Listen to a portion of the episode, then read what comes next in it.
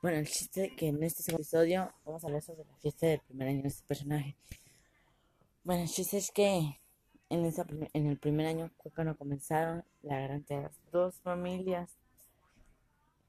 Porque en esa fiesta de esa personita, bueno, la, vida de esa persona siempre está llena de problemas y siempre lo está.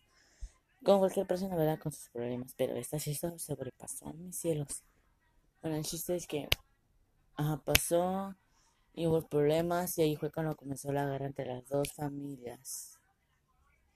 Porque un tío de parte de la familia de su mamá le evitó al papá del niño, del personaje del que estamos hablando.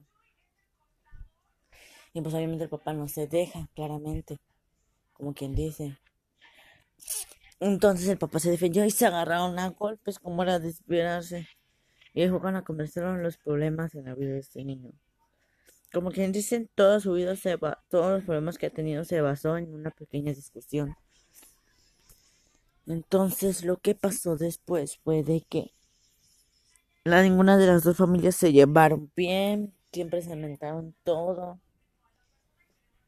Y pues la hermana, la hermana del papá nunca se llevó bien con la mamá, ¿eh? Déjame decirles.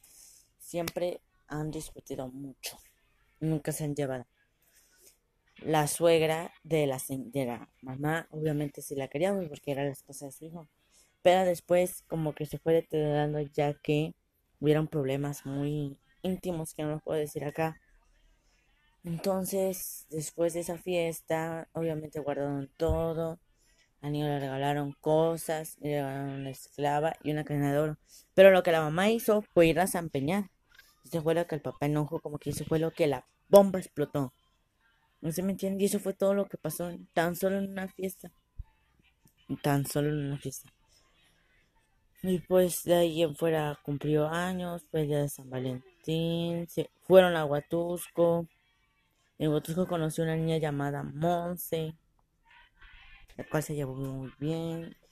Y pues nada más sería todo eso. Como quien dice. No, ya además lo cuento en el tercer episodio.